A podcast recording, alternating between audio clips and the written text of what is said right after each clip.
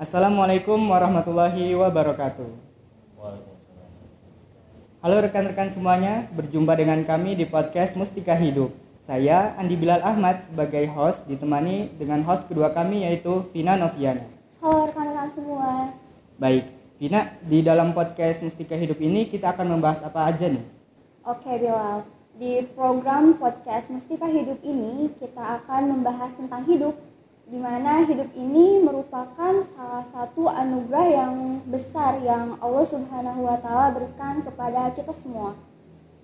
Nah, tentunya untuk ke depan kita juga akan membahas berbagai aspek kehidupan. Nah, benar banget rekan-rekan. Jadi, untuk rekan-rekan yang mungkin memaknai hidup di mana rekan-rekan pernah merasa mempunyai masalah misalnya, merasa kebingungan atau mungkin membutuhkan motivasi dalam hidup, kita akan menemani rekan-rekan dalam program ini.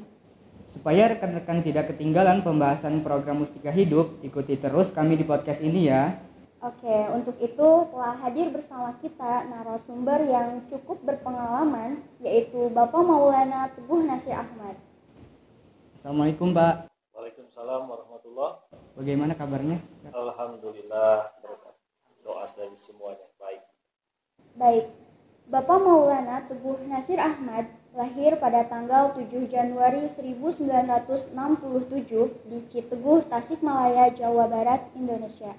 Pendidikan beliau SDN 2 Tenjowaringin lulus bulan Mei tahun 1980, SMP PGRI Tenjowaringin Salau lulus bulan Mei tahun 1983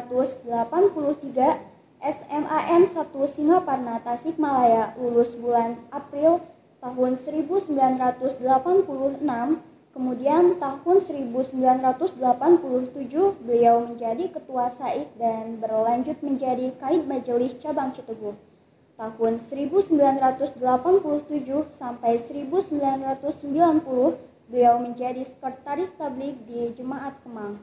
Kemudian tahun 1987 sampai 1990 juga beliau kuliah di Jamai Bogor.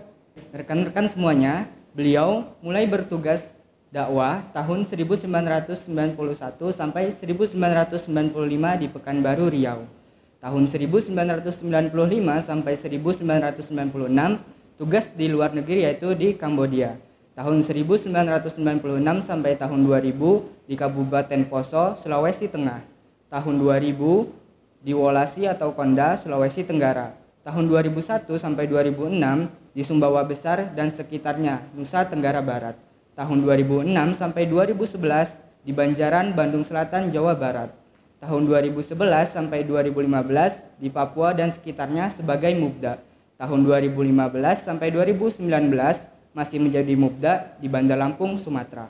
Tahun 2020 sampai sekarang sebagai pembina Jamaah Wanasigra dan pembina SMA Plus Al-Wahid Wanasigra Tasikmalaya Jawa Barat. Masya Allah, jadi beliau sudah lama ya berpengalaman sebagai juru dakwah. Baik Pak, jadi eh, seperti apa yang dikatakan tadi bahwa kita akan membahas tentang hidup, yang mana hidup ini merupakan salah satu anugerah yang besar yang Tuhan berikan kepada kita maka dari itu, untuk lebih jelasnya, e, mari kita simak penjelasan dari Bapak Maulana Teguh Nasir Ahmad. Silahkan Pak. Oke, jazakumullah adik-adik semuanya. E, benar tadi bahwa hidup itu adalah merupakan suatu anugerah yang sangat besar dari Allah Subhanahu wa taala. Ya. Patut bersyukur kita semua yang diberi kepercayaan yang dipilih oleh Allah Subhanahu wa taala hidup ya mengelola alam semesta ini. Nah, tadi dikatakan bahwa kita sebagai manusia tentunya harus bersyukur kepada Allah Subhanahu wa taala yang telah memberikan kesempatan kita hidup di dunia ini.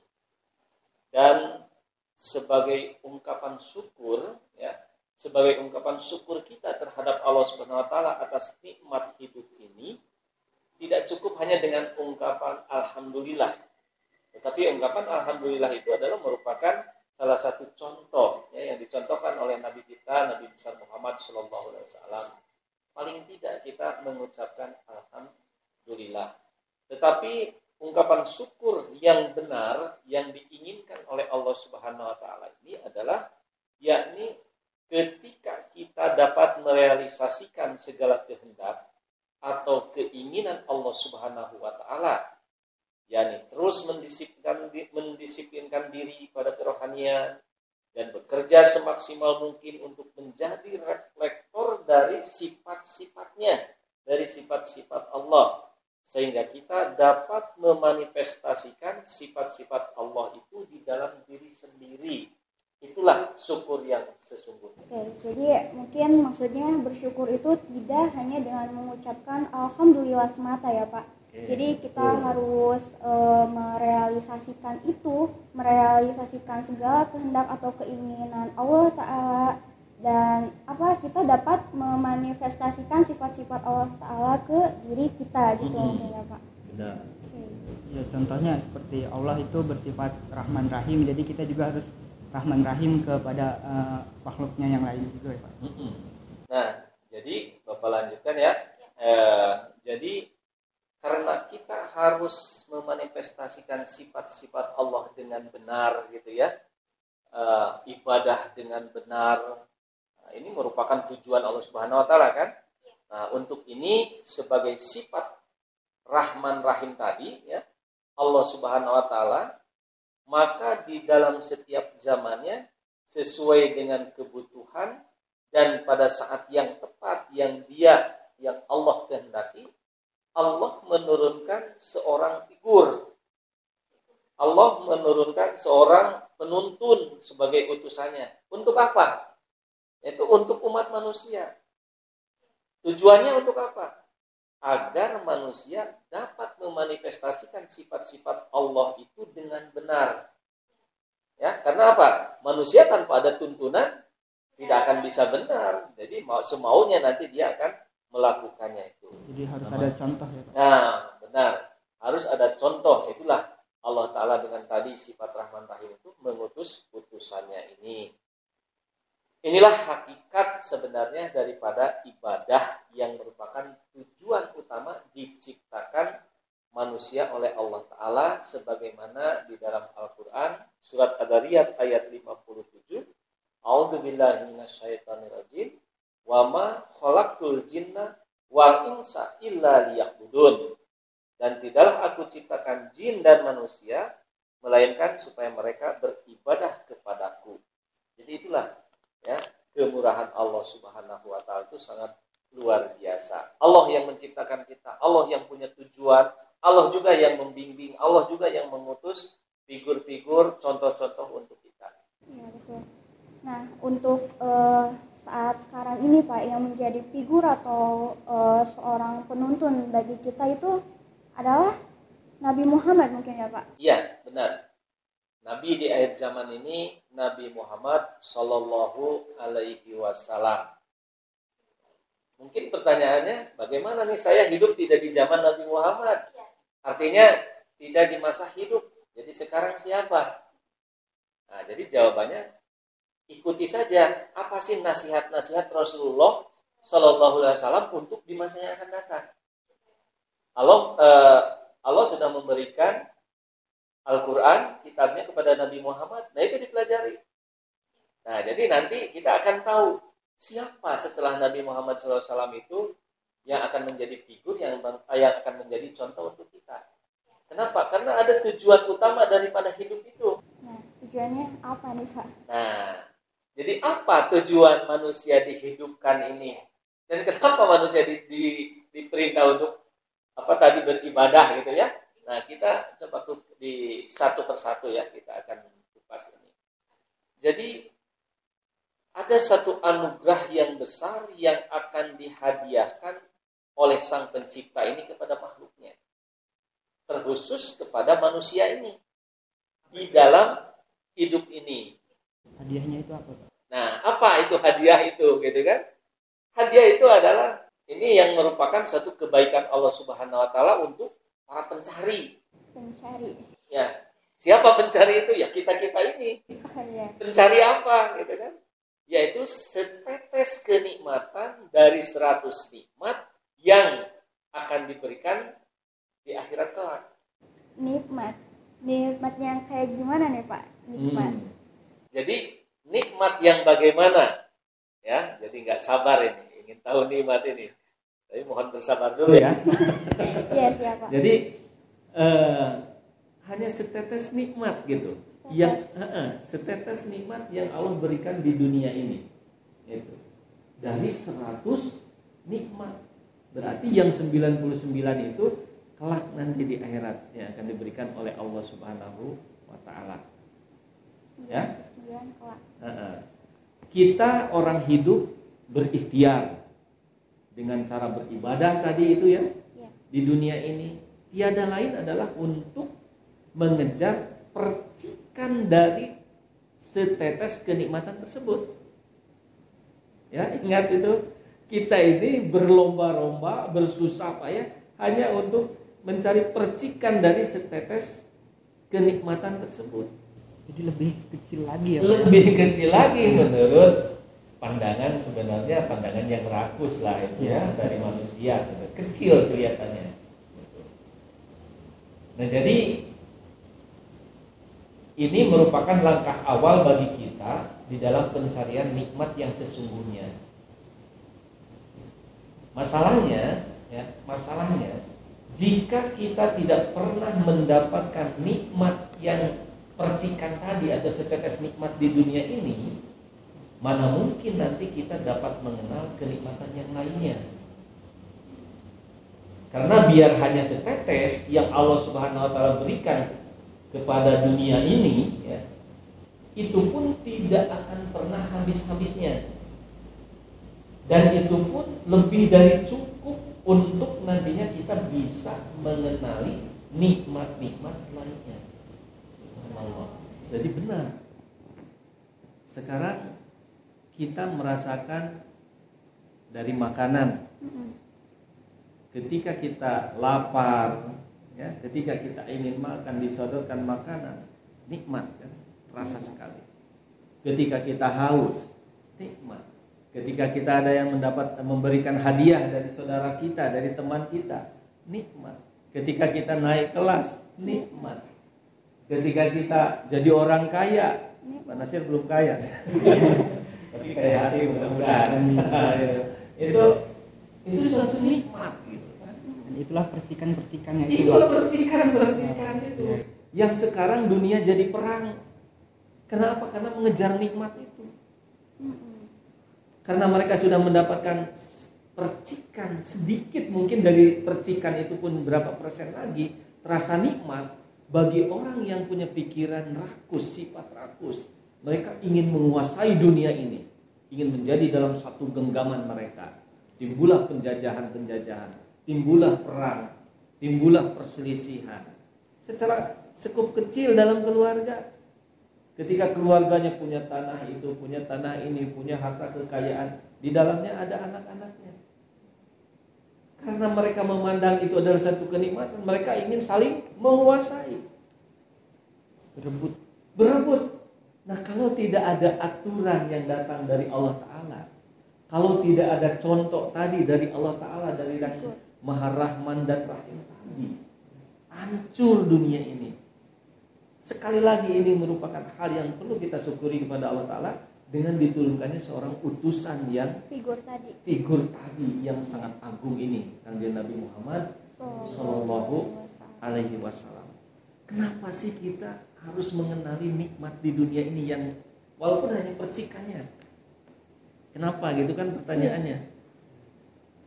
Nah, mari dan coba kita renungkan firman Allah Subhanahu wa taala ya di dalam Al-Qur'an surat Bani Israel ayat 73. A'udzubillahi minasyaitonirrajim. Wa man kana fi hadihi a'ma fahuwa fil akhirati a'ma wa adallu sabila. Dan barang siapa buta di dunia ini, maka di akhirat pun ia akan buta juga dan bahkan lebih tersesat di jalan Allah Subhanahu wa taala. Ya. Nah, jadi apa yang dimaksud ayat itu? Jadi maksud dari ayat ini adalah kebutaan rohani di dunia ini akan dirasakan lebih jelas di alam nanti. Atau lebih tegas lagi adalah orang-orang yang tidak merasakan kenikmatan di dunia ini, maka di akhirat nanti pun tidak akan merasakannya. Udah bisa tangkap kan? Iya. Kenapa kita penting dan harus merasakan kenikmatan hakiki di dunia ini? Yang hakiki di dunia ini. Walaupun hanya sepercik tadi. Kenapa? Karena kalau kita tidak pernah merasakan itu, di akhirat pun kita tidak akan mendapatkan. Iya. Makanya kita harus bekerja keras di dalam hal ini. Bagaimana caranya mendapatkan kenikmatan Ya. yang hakiki ini? Iya. Jadi eh, di dunia ini seperti di ayat tadi dijelaskan kita jangan sampai buta gitu ya Pak. Jangan buta dari nikmat gitu. Kita harus mencarinya. Betul. Baik Pak. Tadi kan eh, ditanyakan tujuan hidup ini untuk apa yaitu mencari nikmat. Mhm. Nah, caranya itu bagaimana Pak untuk mencari nikmat itu? Nah, oke. Untuk cara mencari nikmat ini sebenarnya Allah Ta'ala tadi sudah menurunkan Nabi ya, putusannya. Jadi kalau jawaban pendek, ikutilah bagaimana hidupnya para Nabi. Tapi untuk pengetahuan kita mari ya, pelajari, kita renungkan hidup keseharian kita di lingkungan kita yang kita lihat, yang kita dengar gitu kan, yang kita pelajari mungkin dari baca-baca buku dan sebagainya ya. Nah, ternyata secara real gitu kan, di dunia ini manusia di dalam mencari nikmat itu beragam. Beragam. Beragam walaupun Allah Taala sudah menurunkan seorang nabi Figur, tadi, iya. figur gitu kan. Tapi rupanya ini masuk ke dalam ujian, Ujian. ya. ujian gitu. Nikmat dan ujian. Nah, jadi semuanya akan masuk dalam ujian. Baik. Nah, kenyataannya di dalam kehidupan ini manusia ternyata minimal terbagi menjadi empat. Empat. Nah, Cara mencari nikmat. cara mencari nikmat. Jadi Empat bapak cara. mungkin di sini ya hanya akan menyampaikan satu saja sebetulnya. Baik. Membuat penasaran ya. Dulu Ah. juga Pak sudah penasaran gitu Pak. Apa itu Pak yang empat cara Ah. mencari nikmat? Oke, yang empat itu boleh ya. Satu berhayal, Berkhayal. yang kedua pemuas rasa, yang ketiga pengakuan, Pengakuan. yang keempat huruf ilahi, dekat dengan Allah Taala. Oke Pak. Mungkin kita bahas yang pertama ya. Berhayal. Berhayal maksudnya gimana Pak? Kita mencari nikmat tapi cuma menghayal gitu? Ya, Gitu. benar. Jadi jelasnya begini. Hidup ini kan adalah untuk mencari nikmat tadi ya. Ya. Kenikmatan yang akan diraih di dunia ini sangat berkaitan erat dengan kenikmatan yang hakiki di akhirat. Sebagaimana Bapak tadi bacakan ayatnya surat Bani Israel ayat 73. Wa man kana fi hadihi a'ma fahuwa fil akhirati a'ma wa adallu sabila. Dan barang siapa buta di dunia ini, maka di akhirat pun ia akan buta juga dan bahkan lebih tersesat dari jalannya, dari jalan Allah Taala, gitu ya. Nah, jadi kita harus benar-benar berusaha keras di dunia ini untuk mendapatkan nikmat ini, ya, karena dasarnya ayat tadi itu Iya. agar merasakan kenikmatan yang Allah tebar di dunia ini. Memang ya, jika dipandang oleh yang rakus akan dunia, ya, setetes ini sedikit tadi ya. Iya, dari katanya kan setetes jadi sedikit. Setetes, apalagi tadi percikan gitu kan. Iya, percikan. Tapi kenyataannya nikmat yang sedikit ini sampai saat ini tidak pernah habis-habisnya. Iya, betul. Tidak pernah habis. Ya. Nikmat udara, nikmat matahari. ya. Nikmat dingin, nikmat panas, nikmat siang, nikmat malam. Pernah habiskah itu? Tidak. Tidak pernah habis, Padahal padahal hanya itu hanya percikan. percikan atau satu tetes aja gitu. Iya, betul. Ya. Jadi ini juga menjadi rebutan di dunia ini. sampai terjadi peperangan, saling mengklaim wilayah dan lain-lain. Kita sulit ya membayangkannya bagaimana yang 99% itu. Iya. Sangat sulit. Yang satu saja, yang satu tetes saja sudah begini luasnya Banyak gitu kan. sekali. Sangat luar biasa. Jadi ini mudah-mudahan menjadi motivasi ya bagi kita di dalam mencari nikmat yang hakiki sehingga nikmat itu akan membawa kita kepada kenikmatan yang berikutnya di akhirat kelak. Ya. Kenikmatan apa yang ada di dunia ini dan bagaimana cara meraihnya? Ya, Bapak ulang, walaupun tadi sudah Bapak sebutkan ya. Di dalam kehidupan ini kita bisa menyaksikan bagaimana orang-orang mencari nikmat, bahkan kita juga termasuk di dalamnya pencari nikmat, betul kan? Nah, Tidak kurang dari empat cara yang manusia lakukan di alam dunia ini untuk mencari nikmat. Dan sangat bervariasi sekali sehingga kadang-kadang akhirnya ini jugalah yang menimbulkan permasalahan kepada kita. Mereka menjadi orang yang putus asa, menjadi orang yang kecewa, menjadi orang pemalas, berlebihan, bahkan justru merusak pada dirinya sendiri. Yang akhirnya merusak pada tatanan kehidupan masyarakat kita ini. Nah, ini adalah akibat dari kesalahan di dalam mencari nikmat tersebut. Supaya kita tidak terjerumus kepada hal seperti itu, ya, maka insya Allah saya akan sampaikan beberapa hal yang mudah dipahami dan mudah-mudahan kita nantinya tidak terjerumus kepada kenikmatan yang seperti itu. Iya. Ya. Jadi ada empat cara tadi. Ya. Yang pertama berhayal. Nah, tadi pertanyaannya bagaimana mencari nikmat dengan cara Berhayal. berhayal ini, ya. Di jalan ini orang merasakan suatu kenikmatan atau keasikan sampai mereka hanyut di dalam khayalan tersebut. Tapi ketika mereka sadar bahwa mereka sedang membahayakan dirinya sendiri atau sedang melukai dirinya sendiri, barulah ia ada penyesalan di dalam dirinya. Seperti bagaimana orang yang berhayal itu ya. Jadi orang yang berhayal itu membayangkan sesuatu ya. Walaupun mungkin yang di dekat dia ini hanya sebuah batu bongkahan aja gitu kan. Tetapi karena dia menghayalkan sesuatu dan dia sampai kedalaman lubuk hatinya itunya. Sehingga batu yang dia dekati dijilatinya. Karena berhayal tadi. karena berhayal tadi. Dia merasakan satu kenikmatan gitu. Menjilati batu. Lama-lama ya yang namanya batu kan keras. Sakit. Lidahnya akhirnya keluar darah. darah. Lama-lama perih baru dia sadar oh ternyata batu gitu kan. Hmm. nah itulah penyesalannya. Dia menyesal udah sakit. gitu. Dan saya kira banyak lagi contoh-contoh ya bagaimana orang sambil berhayal ya mengisap apa Rokok. Rokok ya begitu nikmatnya diisap langsung dikeluarkan wah sambil melihat kepulannya gitu kan beberapa tahun kemudian harus ke rumah sakit sakit. difonis oleh dokter bapak harus berhenti merokok.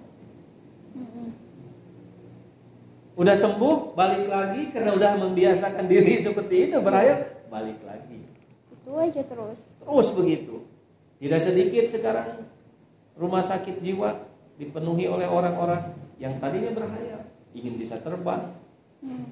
ingin bisa itu ingin bisa ini gitu kan Iya. asik tidak terasa dia ketawa sendiri joget sendiri gitu kan Iya. hanya itu yang dikatakan jadi gila Hmm. gitu nah ini bahaya menghayal itu nah tapi ada yang harus diwaspadai dari berhayal ini untuk kita Apa tuh Pak? Diwaspadai. Kenapa harus diwaspadai? nah padahal kan berhayal sendiri Iya, gitu kan Sendiri. Kita kan Ah. sendiri yang rugi kita sendiri. Nah, itu. Oke. Jadi sekarang ini didukung dengan alat-alat yang canggih yang ada sekarang ini gitu ya. bagaimana orang yang berhayal itu sekarang punya kreatif. Orang yang berhayal merugikan diri sendiri tapi kreatif. Kreatif gitu ya. Aduh. Uh, bingung gitu kan. Dia membayangkan menjadi seorang pahlawan, bisa terbang, bisa berbagai macam cara, ya, yeah. bisa berhayal mengalahkan orang banyak, gitu, menjadi pahlawan hebat lah, gitu kan. Nah, akhirnya mereka terinspirasi dengan adanya alat-alat canggih sekarang. Terinspirasi. Uh -uh. Jadi dari otaknya yang tadi di dalam hayalan itu, dalam pikiran itu, dibuatlah satu tulisan, dibuatlah satu cerita, hmm. cerita fiksi, dituangkan gitu, dituangkan di dalam sebuah tulisan. Tidak puas di dalam sebuah tulisan, dituangkan tulisan itu dalam sebuah sinetron yeah. atau film Nah ini yang Bapak bilang harus waspada ini, ini apa? Sekarang orang berhayal ingin berjamaah. Ngajak orang lain. Ngajak orang lain. Ternyata berhayal bisa berjamaah bukan sholat aja. Ah, bukan sholat aja. Itu. Setan kan ingin banyak teman. Iya benar. Nah, setan ingin banyak teman. Nah bagaimana sekarang? Diciptakanlah televisi, diciptakan radio, mulai dari radio, televisi, nah sekarang HP gitu kan? Iya Nah, jadi hasil ciptaan mereka itu memang tidak tidak negatif semua gitu yeah. kan. Ada yang baiknya. Tetapi tidak sedikit yang mengarah kepada menghancurkan. Sehingga tidak sedikit tadi Bapak katakan orang-orang yang masuk ke rumah sakit jiwa gitu kan. Mm. Karena dibawa berhayal hanya Duduk mulai dari pagi ibu-ibu ataupun bapak-bapak, anak-anak dan tanpa batas umur ya. Yeah kadang-kadang ketawa di depan TV, kadang-kadang menangis, kadang-kadang marah-marah. Jadi lah udah terbawa gila semua gitu kan. Dari pagi sampai sore datang suaminya trot trot trot, trot. lihat di meja makan belum ada apa-apa. Asik aja nonton TV. Asik aja nonton TV, dipanggil-panggil enggak juga. Akhirnya apa? Makan di luar, mula-mulanya makan di luar. Ditanya bang tidak ada yang melayani? Biar saya lah yang melayani tiap hari. Akhirnya apa? Kenalan dengan kenalan baru. Akhirnya pacaran akhirnya selingkuh. Akhirnya hancur. Inilah akibat daripada hayalan ini. Bahaya sekarang. Duduk bersama di depan TV dari pagi sampai sore. Ya kadang-kadang mau pengajian juga atau adan sudah kumandangkan karena ini tanggung nih sedikit lagi sinetron Nah itu begitu bahayanya hayalan itu di zaman sekarang. Jadi sekarang orang dibawa melambung tinggi, setinggi tingginya. Mungkin nah, Pak untuk hmm. maaf untuk contoh lain mungkin jika umuran saya nih sama Bilal misalnya hmm. uh, sekarang kan lagi banyak nih terutama laki-laki yang main game di mana dia kan gamenya game perang tuh dia asik mainin handphone mungkin rasanya dia kayak lagi kurang beneran sampai banyak banget yang lupa waktu lupa sholat bahkan lupa ngelupain tugas apalagi ya mungkin sekarang belajar di rumah mereka sampai lupa tugas keenakan itu juga masuk berhayal. Ya mereka hanyut dengan game itu. Ya. game kan permainan. Dari mana asalnya? Karena dia yang memainkan otak mereka yang tadinya berhayal ingin begini ingin begini ingin hmm. begini gitu kan. Tadinya sendirian dia asik gitu kan. Akhirnya dengan ada menyalurkan ini disalurkan. Tetapi ternyata setelah disalurkan malah semakin banyak orang yang terjerumus di hmm. dalam itu. Makanya hujur sekarang bagaimana e, memanfaatkan alat-alat elektronik sekarang ini ya. Khotbah hujur diskusi, simposium, ya, pertemuan-pertemuan, semuanya dipenuhi, dipadatkan dengan apa alat elektronik sekarang ini, dengan HP-nya, dengan laptopnya dan sebagainya. Hal-hal yang positif. Hal-hal yang positif dan mungkin ini juga yang dikatakan bahwa ketika datang Imam Mahdi itu maka kendaraan Dajjal ini akan menjadi kendaraan Imam Mahdi. Iya. Nah, satelit yang pada dasarnya, pada hakikatnya pertamanya itu untuk menghancurkan umat manusia dengan program-program ya, orang yang memusuhi negatif. Islam gitu ya, dengan hal yang negatif. Tapi begitu muncul jemaat Ahmadiyah, maka jemaat Ahmadiyah mungkin satu-satunya yang pertama kali menggunakan satelit ini untuk dakwah ke seluruh dunia. Dan sekarang sudah 12 satelit. Ya. dan itu tidak tidak murah gitu. Tetapi demi untuk menyelamatkan umat manusia ini dengan napasnya Imam Mahdi itu itu artinya dengan ajaran-ajaran cinta damainya ya love for all hatred For none. for none. Jadi bukan dibawa berhayal lagi dengan itu, tapi dibawa bagaimana mereka itu merenungkan kebesaran Allah Subhanahu Wa ta'ala. wa taala. Ada sisi positifnya juga ya Pak. ya? Jelas karena Allah Subhanahu wa taala itu menciptakan segala sesuatu ber, sesuatu itu ya berpasang-pasangan. Selalu ada pasangannya. Ada baik, ada buruk, ya. Ada Imam Mahdi, ada Dajjal juga kan? Iya. Nah, jadi Imam Mahdi itu harus melawan Dajjal. Dajjal ini apa? Nah, inilah yang menguasai dunia sekarang ini yang mau menghancurkan dunia ini, yang tidak mau aman di mana pun negara yang aman pasti mereka masuk. Nah, di situ dibongkar, diacak-acak di dalamnya. Hmm. Nah, sekarang dengan cara apa? Generasi mudanya dihabiskan supaya berhayal. Alat menghayal itu bukan hanya alat elektronik saja, candu, sabuk, minuman yang diawali dengan rokok tadi. Iya. Makanya diharapkan Hujur sangat menganjurkan sekali kalau bisa semua warga jemaat Ahmadiyah itu cobalah menjadi contoh untuk menjauhi rokok, untuk meninggalkan rokok. Jadi teman-teman kita ini, saudara-saudara kita ini kalau ingin mendapatkan pahala dari Allah taala ya, maka taatlah ketika nafsu kita besar ingin merokok karena taat kepada anjuran Imam Mahdi ini, maka di situ ada ridho Allah Iya. yang akan menjadi pahala mungkin satu saat. Tetapi kalau berhentinya itu karena oleh dokter lain lagi itu, Bukan karena Allah ya. bukan karena Allah, jadi akan luput nanti dari pahala. Iya. Maka gunakanlah peluang untuk mendapatkan ridho Allah itu dari hal yang kecil. Memang banyak sekali dosa-dosa itu bukan hanya merokok, tapi ini jemaat mengajarkan coba kita belajar menjauhi dari hal yang kecil. Kecil. Saya kira itulah tentang berhayal.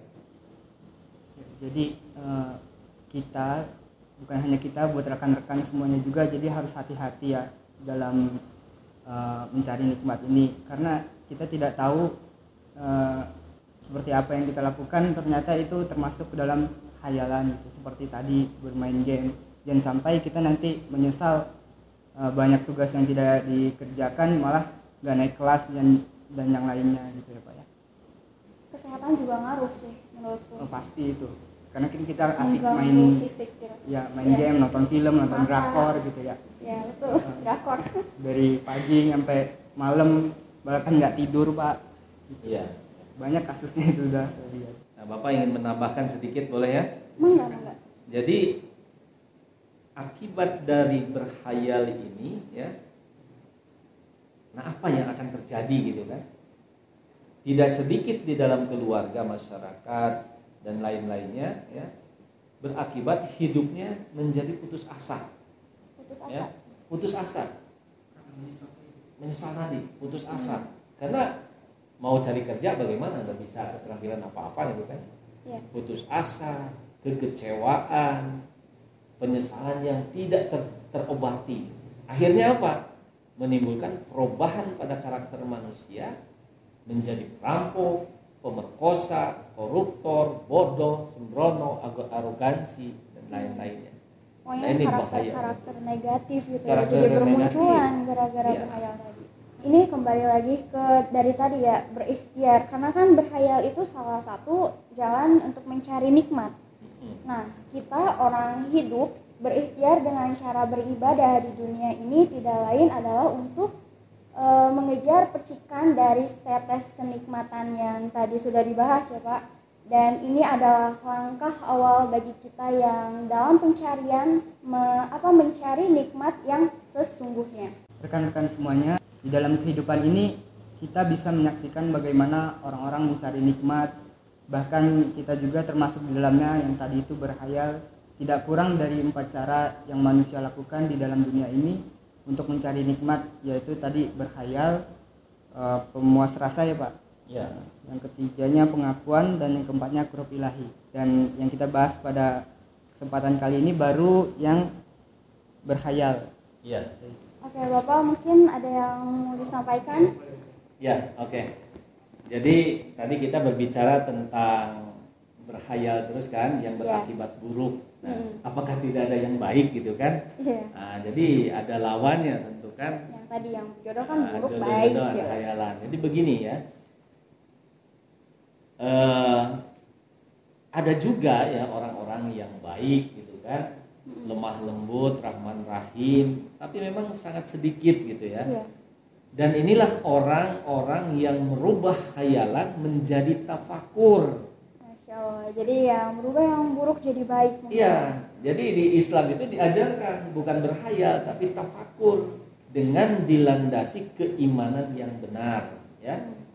Jadi sebenarnya Islam mengajarkan tafakur bukan untuk berhayal. Tafakur itu apa? Tafakur itu berasal dari kata fakoro, Fakor. ya, yang bermakna fikir, ya. Mm-mm. Merupakan salah satu ibadah yang paling mudah dilakukan oleh setiap orang. Iya. Ini karena langsung tanpa memerlukan modal, ya, berpikir itu. Nah, ini diperintahkan oleh Allah Subhanahu wa taala di dalam Al-Qur'an gitu ya. Nah, jadi banyak sekali orang yang memerintahkan untuk supaya kita berpikir, selalu memikirkan apa yang terjadi di depan kita, kepada diri kita, ciptaan-ciptaan Allah Subhanahu wa taala gitu ya. Semuanya itu akan menjadi sesuatu yang bermanfaat. Dan kalau kita memanfaatkan pikiran itu dengan benar, dipakai untuk mentafakuri ciptaan-ciptaan Allah Subhanahu wa taala, maka itu akan sangat bermanfaat di dalam kehidupannya dibanding dengan berhayal tadi. Jadi dari Bapak mungkin yang terakhir ya, Iya. eh, mengajak pada saudara-saudara kita semua, marilah kita gunakan pikiran ini untuk bertafakur ke eh, segala ciptaan Allah Subhanahu wa taala sehingga kita akan mendapatkan kedekatan, dapatkan ilmu makrifat dari Allah Subhanahu wa taala dan kasih sayangnya. Demikian dari saya. Oke, baik Bapak, terima kasih. Karena waktu kita sudah habis ini mungkin akan kami tutup. Oke, untuk rekan-rekan yang ingin menyimak pembahasan lengkap Bapak Maulana Teguh Nasi Ahmad telah kami sediakan di podcast kami yaitu Mustika Hidup. Rekan-rekan tinggal meng-scroll apa yang telah kami terbitkan sebelumnya. Dan selamat mendengarkan. Dan juga rekan-rekan yang mempunyai pertanyaan mengenai hidup ini bisa kirimkan pertanyaannya ke email resmi kami yaitu mustikahidup.official@gmail.com atau menghubungi nomor WA Mustika Hidup di 0822 1550 5920. Baiklah, kita ucapkan terima kasih kepada Bapak Maulana eh, yang telah menemani kita dalam podcast kali ini. Jazakumullah, Pak. Eh, baik, untuk rekan-rekan semua, semoga talkshow kita bisa bermanfaat untuk rekan-rekan. Apalagi pembahasan kali ini kita sungguh luar biasa bermanfaat membahas tentang hidup dan kemudian tunggu kita di episode selanjutnya ya.